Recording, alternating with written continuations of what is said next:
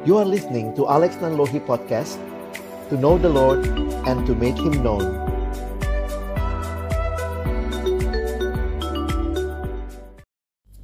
Halo teman-teman, ketemu lagi dengan kami berdua di Obrolan Santai. Walaupun santai tapi tetap serius nih. Serius apa? Apa lagi mau bahas apa nih? Ya, ini kan Hmm. banyak nih bang, teman-teman yang mungkin udah pacaran. Iya. Ada beberapa yang mungkin ya pastinya Mm-mm. udah punya pacar lah ya. Mm-mm. Nah, tapi kadang-kadang tuh beberapa eh, gaya berpacarannya mungkin eh, agak-agak menjurus-menjurus ya ke arah-arah yang mungkin tidak sesuai lah dengan apa yang Oh. Tuhan kehendaki gitu. lah ya. Mm-mm. Nah, mungkin eh gimana sih Bang kalau ngomongin kita hidup kudus, Allah itu kudus, maka kamu harus kudus gitu Iya, ya. iya. Nah, dalam konteks berpacaran tuh Hmm. gimana ya Bang ya? Ada ada lah pasti bahaya-bahaya bahaya-bahaya Heeh. bahaya-bahaya yang mungkin eh, nyerempet-nyerempet gitu ya lah ya. Iya, iya. Dalam dalam kehidupan berpacaran. Gimana tuh, Bang? Aku sih ngelihatnya prinsipnya dulu kali ya, Mm-mm, Dek. mm-mm. Di dalam Alkitab kan tidak dibahas secara khusus tentang Pacaran. Iya. tetapi Alkitab mengenal dalam budaya masa itu adalah Mm-mm. pertunangan. Mm-mm, Tapi sebenarnya sama sih prinsipnya baik pertunangan mm-mm. maupun pacaran kan prinsipnya saling mengenal. Iya. Ya, yang yang mungkin dalam konteks waktu itu mereka mengenalnya sesudah komitmen dulu Mm-mm. lalu terjadi perkenalan. Mm. Makanya waktu Tuhan Yesus orang tuanya Maria sama Yusuf mereka sudah bertunangan, makanya ah, uh, tetapi mereka pasti kan dalam masa itu kan dijodohkan. yes. Tapi di dalam budaya mereka waktu sudah bertunangan itu ada waktu satu tahun masing-masing itu masih tinggal di rumah orang tuanya. Iya iya iya iya. Nah mereka itu dalam masa itu tidak boleh melakukan hubungan seksual, suami I istri. see. Jadi itu sebenarnya masa untuk saling mengenal. Mm-mm. Walaupun sudah disebut tunangan bahkan di, di beberapa konteks dibilang kayak mereka sudah menikah, Iya. tapi mereka belum bersetubuh. Itu jelas di dalam Mhm. Alkitab. Jadi ada masa untuk mengenal pasangan Mhm. kita. Nah, kalau sekarang dalam budaya pacaran kita, kita kan punya budaya yang mengenal dulu. Yes. Nah, masa perkenalan itu yang kemudian harusnya kalau tujuan akhirnya pernikahan, maka aku sih ngelihat beberapa prinsip ya. Mm-mm. Karena pernikahan itu kudus, Mm-mm. maka kalau begitu pacarannya pun Mm-mm. harus kudus, begitu. Iya iya iya. Dan ada ayat misalnya mengatakan kalau kamu makan Mm-mm. atau minum Mm-mm. harus untuk kemuliaan Tuhan. Iya. Dan ada kalimat begini, entah kamu makan atau minum atau melakukan segala sesuatu yang Mm-mm. lain harus untuk memuliakan Tuhan. Berarti pacaran pun harus ditempatkan dalam Untuk- bingkai iya, untuk memuliakan memuliakan Tuhan. Tuhan. Nah, gimana bentuknya tuh? Iya, iya, Pacaran yang kudus, pacaran yang memuliakan Memuliakan Tuhan. Ya tentu ya sesuai dengan firman Tuhan lah ya. Iya. Firman Tuhan menyatakan kepada kita misalnya hati-hati dengan hawa nafsu. Mm-mm. Jangan turuti hawa nafsumu Mm-mm. pada masa mudamu. Misalnya di dalam 2 Timotius 2 ayat 22 itu jelas diingatkan gitu ya. Jauhilah nafsu orang muda. Nah, jadi memang kita mesti bisa membedakan dengan jelas. Mungkin kalau konsep kali kita udah pada tahu lah ya, ada bedanya antara love sama lust. Yes. Love itu kasih, lust itu Hawa nafsu. hawa nafsu. Nah, gimana caranya? Ya aku pikir sih jangan membangkitkan cinta sebelum waktunya. Maksudnya Ah, jangan hawa membangkitkan nafsu hawa ya nafsu, maksudnya. eh, Iya, nafsu lah sebelum waktunya begitu ya. Tapi kan setiap kita punya dorongan seksual. tuh, Betul. Bang. Gimana tuh, Bang? Justru karena itu kita mesti kenali kekuatan dan kelemahan kita. Oke, gimana gimana tuh, Bang? Misalnya em, orang suka nanya tuh ya, Mm-mm. bang pacaran boleh pegangan tangan nggak? Mm, Bang mm, pacaran boleh ciuman nggak? mm, mm, Bang pacaran boleh eh, apa eh, meluk nggak gitu Mm. ya? Nah aku selalu ngejawabnya masalahnya bukan boleh nggak bolehnya nih. mm, mm, Kalau kita sadar betul itu membangkitkan, karena kita kan mm. makhluk seksual nih. Gairah, iya. Iya, membangkitkan gairah. Maaf nih, kalau memang kita sayang sama tuh orang, kita senang sama dia, ngeliat aja bisa ngebayanginnya Mm-mm. ke mana-mana, apalagi megang, Mm-mm. apalagi apa ya sampai kissing dan segala macam. Jadi aku harus mengatakan kenali dan punya batasan gitu. Iya. Kita yang langsung tetepin, maaf kita nggak pegangan tangan ya, kecuali nyebrang. Ah, Jadi jangan membuat apa ya eh, pembenaran-pembenaran yes. yang sebenarnya itu dalam bahasa psikologi kita feeding tuh. Ah, Kita memberi makan Benar. kepada nafsu kita. Oke, oke. Misalnya nonton di ruangan yang gelap, lalu kemudian kita remes-remes Berduaan tangan, doang. berduaan remes tangan pasangan kita, lalu kemudian kita secara birahi eh, dorongan seksual muncul. Hmm. Karena memang Tuhan itu yang menciptakan eh, seks. Mm-mm. Tuhan juga yang memberikan hubungan seks dalam konteks Pernikahan. suami istri Hmm. dalam pernikahan. Nah, jadi jangan main-main dengan eh, ya kita kan makhluk yang punya hasrat seksual ya. Mm-mm. Pada waktunya itu bisa dipakai dalam relasi suami istri. Nah, jangan dibangkitkan sebelumnya Oke, gitu. Benar. Makanya dalam pacaran ya jelas batasin tuh. Mm-mm. Tidak berdua-duaan di ruang tertutup Mm-mm. atau yang gelap. Kalau memang mau pacaran yang kudus ya, harus Iya. berani ambil komitmen misalnya satu sama lain saling ingetin. Mm.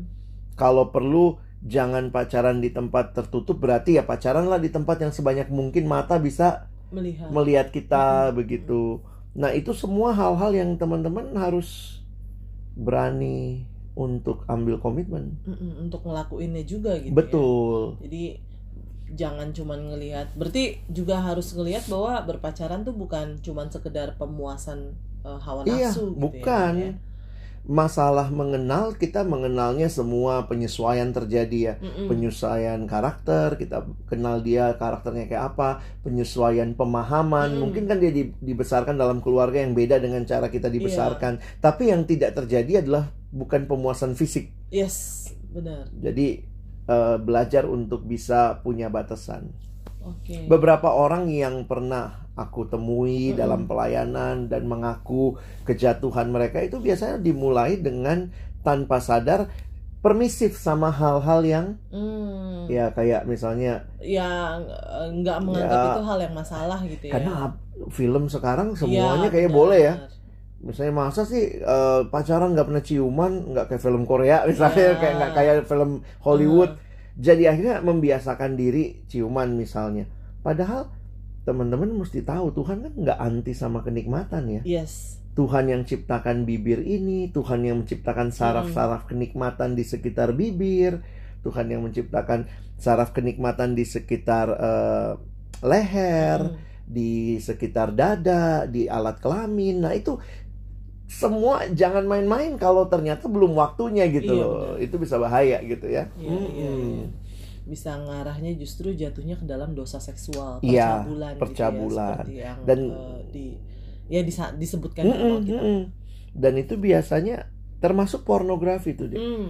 Jadi Kayak memang gimana tuh bang? karena- Pornografi, masturbasi. itu kan semua hal-hal yang kayaknya lazim dan umum sekarang istilahnya Iya. gini masa sih nggak nonton porno kesannya Nah. begitu bahkan ada suami istri yang meng- menghalalkan istilahnya kan udah dewasa udah boleh dong nonton film porno kan umurnya udah Hmm. udah pas pertanyaannya begini sebenarnya kalau kita masih mesti nonton film porno untuk membangkitkan nafsu kita terhadap pasangan kita Hmm. sendiri ada yang salah dong Yes. berarti ya kita berselingkuh dengan pikiran kita di dalamnya juga pasti kan ada bayangan dari yang main di film itu yang membangkitkan nafsu kita lalu kemudian kita Hmm. melakukan hubungan dengan pasangan kita jadi aku termasuk yang nggak setuju bahkan orang yang dewasa boleh nonton pornografi aku pikir enggak Hmm. di dalam Alkitab jelas ada ayat di Efesus pasal yang kelima itu dipakai istilah porneia. Hmm. Porneia itu adalah eh, ya segala sesuatu yang membangkitkan hawa nafsu. Ya sekarang kita biasanya lihat ya itu kata artinya yang tidak sepantasnya, Hmm. tidak semestinya. Nah dalam hal seksual maka waktu itu jadi pornografi jadi adalah yang digrafi yang ditulis iya. atau yang dicetak Yes. jadi bisa gambar, lah, grafis. grafis. ya, bisa gambar, bisa tulisan gitu ya. Jadi itu bagiku kalau pakai prinsip itu enggak, enggak boleh. Dan itu sesuatu yang jangan dibiasakan karena itu membangkitkan eh, nafsu seksual kita yang memang kita miliki tuh. Iya. Nah, misalnya gini ya, Dek, pernah satu waktu ada yang nanya, eh ini mahasiswa dulu nanya dia kirim email gitu bang Hmm. eh gue kalau lihat cewek dia cowok ya gue kalau lihat cewek bajunya seksi-seksi kok gue terangsang ya bang Hmm. nah aku balas tuh emailnya tuh ya puji Tuhan kamu normal ya kalau ngelihat lalu terangsang ya kita nggak bisa nggak Oh. bisa batesin kan Hmm. tahu-tahu kelihat aja gitu ya tapi aku tulis sama dia kemudian yang jadi masalah adalah waktu kamu terangsang apa yang kamu lakukan Hmm. itu yang Benar, mungkin benar. membuat kamu jatuh dalam Dosa. dosa. Jadi kita kan hidup dalam dunia yang kadang-kadang ada yang bilang gini bang, gua nggak ngeklik aja bang keluar tuh gambarnya Iya, di iya. internet. Nah waktu kelihatan mungkin secara ra- dorongan seksual, rangsangan seksual mungkin muncul tuh, Mm-mm. entah yang pria yang wanita. Tapi pertanyaannya apa yang kita lakukan tuh? Kita terus pantengin, kita liatin, kita renungkan, kita kita hayati Ah. atau kita langsung mengalihkan pikiran kita. Mm-mm. Nah, banyak yang akhirnya kan udah kayak satu paket tuh. Porno, lalu mastur. basi. Iya, iya. iya. Nah, banyak hal ya kalau orang bilang ada masturbasi itu nggak apa-apa. Hmm. Gue kan nggak ngerugiin siapa pun. Ah. Tapi aku pengen ngelihatnya di dalam rancangan hubungan seks yang Tuhan berikan. Mm-mm. Aku ngelihatnya gini. Tuhan memberikan relasi hubungan seksual dalam ikatan suami dan Istri. istri. Dan itu adalah sesuatu yang berkaitan dengan pasangan kita. Iya. Jadi sebenarnya It seks two gitu ya. ya, seks yang Tuhan ciptakan itu harusnya mutual, Iya. berdua. Jadi dalam berbagai hal mau ditelaah bagaimanapun namanya masturbasi itu Hmm. sendiri. Iya, iya, iya. Jadi bukan menurutku itu bukan rancangan seksual, hubungan seksual yang Allah kehendaki. Makanya dalam banyak kasus juga buat yang ya suami istri ada yang terpengaruh masih suaminya misalnya terperangkap pornografi sehingga kalau lagi tidak bareng istrinya dia terbiasa masturbasi. Mm-mm. Nah, maka ketika dia berhubungan seks seks dengan istrinya atau dengan suaminya, nah dia yang sibuk dia pikirin adalah kapan gue puasnya. Iya, iya, iya, iya. Dia nggak berpikir tentang bagaimana pasangan saya bisa puas. bisa puas Iya, karena benar. Seks yang dinikmati seks yang sendiri yang Hmm. egois yang rasanya yang penting kapan gue mau puas Iya, begitu iya. jadi akhirnya tanpa sadar kita menjadikan orang lain itu objek kepuasan seksual benar, benar, benar. nah sementara seks yang dewasa ini bahkan dalam buku psikologi loh Heeh. seks yang dewasa itu mutual dan di dalamnya saling satisfying ya, Iya. saling memuaskan nah ini udah kejauhan nih bahasnya ya Iya, iya. Yang anak-anak ya, belajar untuk memahami bukan Iya. sedang membangkitkan imajinasi seksual ya. benar. Mm, mm, mm. Iya, jadi dan eh, hidup kudus dalam hal pacaran pun itu sesuatu hal yang sangat-sangat penting ya, Bang ya. Betul, betul. Karena nggak kalau nggak bisa jatuh dalam dalam dosa seksual justru. Tapi tapi aku juga harus mengatakan bagi teman-teman yang sedang bergumul dengan kejatuhan seksual, yuk keluar dari situ. Iya, benar. Bangkit. Kalau perlu, kalau mungkin kalian melihat keterikatannya begitu dalam, Mm-mm. datang kepada konselor Yes. atau kakak rohani yang Benar. bisa menolong kamu begitu nggak bisa tinggal selamanya kadang-kadang ada gini iya bang kami hari ini jatuh terus kemudian karena anak Tuhan doa sama-sama minta ampun eh seminggu lagi jatuh, lagi Nah itu tuh bang, maksudnya kadang-kadang Mm-mm. juga apa namanya eh, bersembunyi di balik kedok pelayanan gitu kadang-kadang ya. jadi it- maksudnya kita nggak imun ya yang di pelayanan Yes. pun punya potensi Uh-uh. kita mungkin kok jatuh ya kalau Dan kita dengan- nggak menjaga Dan dengan kedok itu Mm-mm. jadi kayak karena anak Tuhan ya udah kita selesaiin deh dengan berdoa gitu. Padahal mungkin butuh Iya. bantuan orang atau iya butuh untuk terbuka, untuk benar-benar atau bahkan mungkin lebih lebih jauhnya lagi butuh putus gitu kali ya bang. ya? Betul. Dan itu juga jadi nasihat ketika kita tidak sanggup menjaga kekudusan kita sekian lama dicoba selalu ketemu jatuh, Mm-mm. selalu ketemu jatuh, maka putus jadi salah satu solusi. Hmm, iya, nah, tentu iya, kita iya. mesti lihat kasusnya ya. Mm-mm. Tapi buat teman-teman yang lagi bergumul jangan jangan ya ini yang kadang-kadang muncul ya. Hubungan seks yang terjadi di luar ikatan pernikahan cenderung menghancurkan Iya, dan itu tidak membangun apa-apa dalam diri keduanya. benar. Bahkan biasanya orang saling merendahkan. Hmm, Karena itu bayangkan kalau itu diteruskan, Mm-mm. ada kan yang berpikir gini, wah dia udah ngerusak gua nih. Mm. Pasangannya ngerasa, mau gua akan jaga dia sampai pernikahan. Tapi belum tentu juga itu jadi solusinya. Iya. Karena pada akhirnya ketika terbiasa saling merendahkan, maka di dalam hidup pernikahan nanti itu pun akan jadi sesuatu yang sangat mengerikan. Benar, benar, benar. Nah, jadi eh, mungkin kita lumayan belak-belakan nih ngebahasnya Iya. hari ini ya. Supaya teman-teman jangan excuse lah. Yes. Karena dosa yang dalam itu biasanya dimulai dengan dosa yang kecil. Iya. Ya, kita buka celah dikit. Hal-hal yang sederhana. Iya, udah, nggak apa-apa lah, ciuman. Iya. Nah, ciuman nanti awalnya cium ciuman yang dalam, deep kiss, lalu lama-lama kemudian ngeraba, lama-lama akhirnya wah itu luar biasa tuh. Hal-hal saya temukan banyak dalam pelayanan yang akhirnya terbiasa dengan hal permisif sama hal Yes. yang awal lama-lama jadi kejatuhan Hmm. yang dalam. Sama emang bener tuh bang. Jangan jangan biasakan berduaan di tempat-tempat yang Hmm. sepi dan Mm-mm. gak ada orang. Mm-mm. Gitu ya. Nah, itu itu kayak mema- memancing Iya. jangan merasa kita kita udah cukup dewasa. Iya, tahulah jaga diri. Tahu jaga Waduh. diri. Kalau kamu sendiri deh, gimana? Setuju nggak misalnya kalau orang lagi masa pacaran, terus kemudian traveling berdua aja? Nah itu tuh. Nah itu itu itu Gimana? juga tuh. Banyak orang yang bilang katanya kan yang penting sama-sama bisa jaga diri gitu ya. Tapi siapa yang tahu kalau cuma Tapi berdua? siapa yang tahu? Seperti katanya Alkitab kan cinta kuat seperti maut katanya bang. Apa sih maksudnya Iya, tuh? Cinta itu- kuat seperti maut? Berarti nggak bisa ditahan gitu ya. Oh, Yang namanya kematian kan pasti datang tuh. iya. Nah yang namanya cinta dan itu Maut bisa itu kematian gitu. ya. Cinta Maut itu kuat seperti kematian. Iya. Heeh.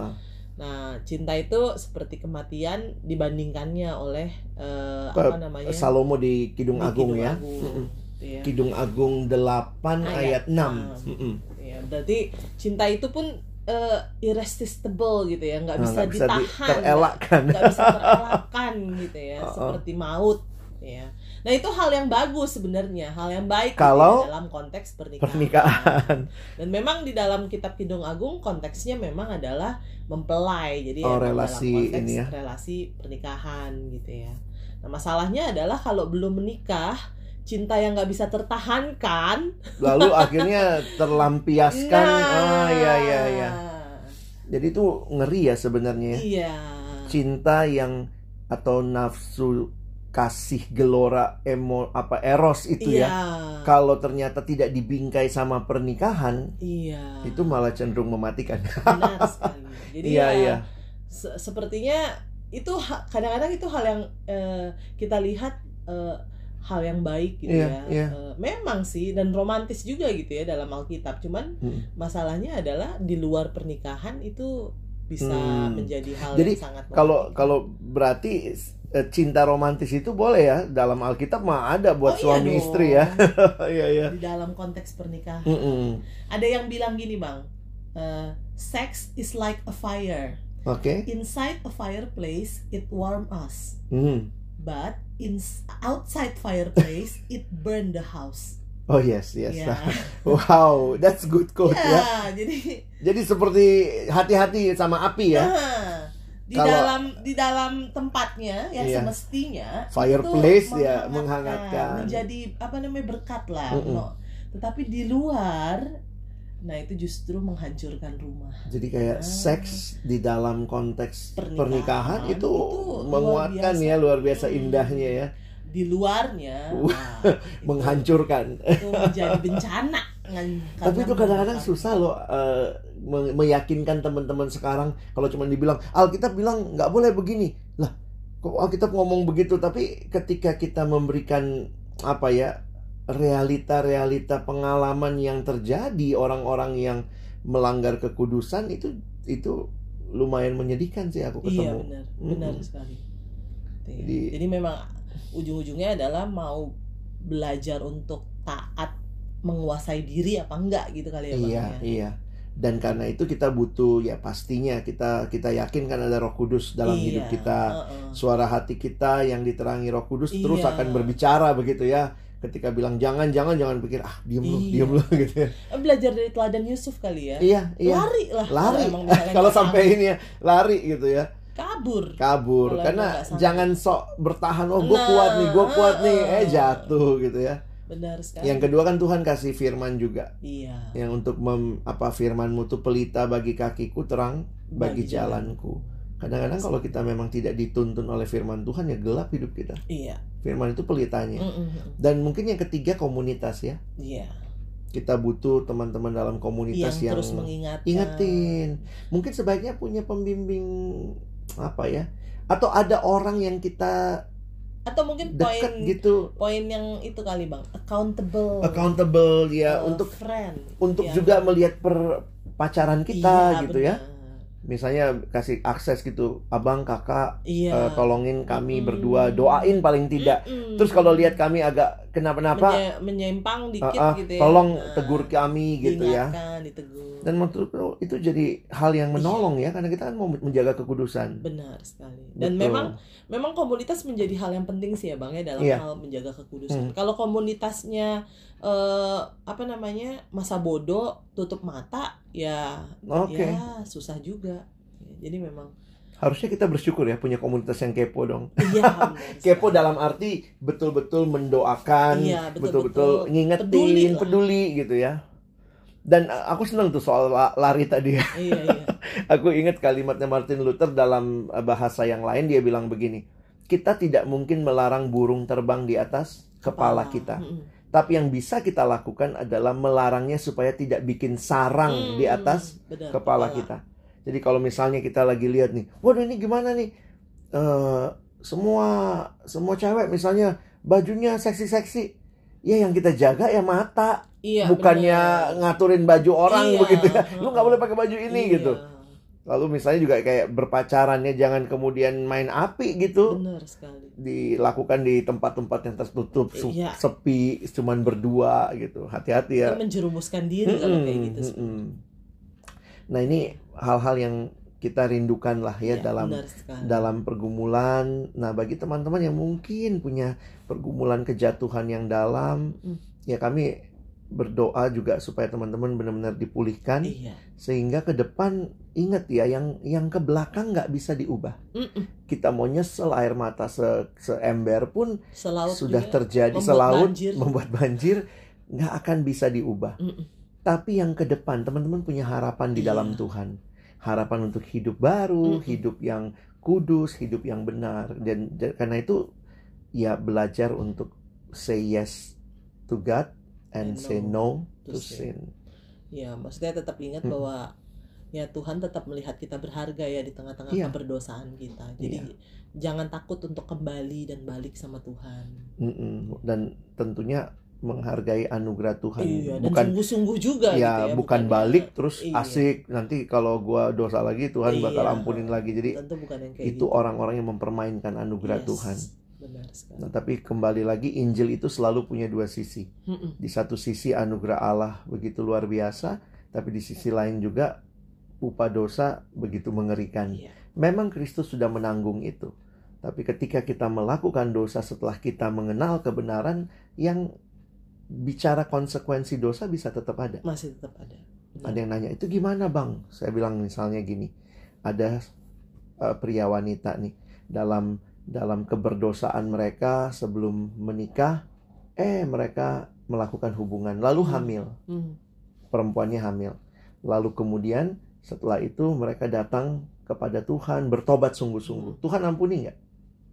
Ya pasti ampuni. Tapi konsekuensinya misalnya apa waktu Tuhan ampuni tiba-tiba hamilnya hilang ya enggak lah Enggak. ya. Jadi sering kali bagi kita yang sudah di dalam Tuhan, Tuhan pasti ampuni dosa kita. Yes. Tapi memang konsekuensinya itu jadi bagian yang kita harus ada harus hadapi, harus terima lah. harus terima. apa Nah, ada Karena itu mari kembali kepada Tuhan, nikmati anugerahnya dan hadapi masa depan yang berpengharapan.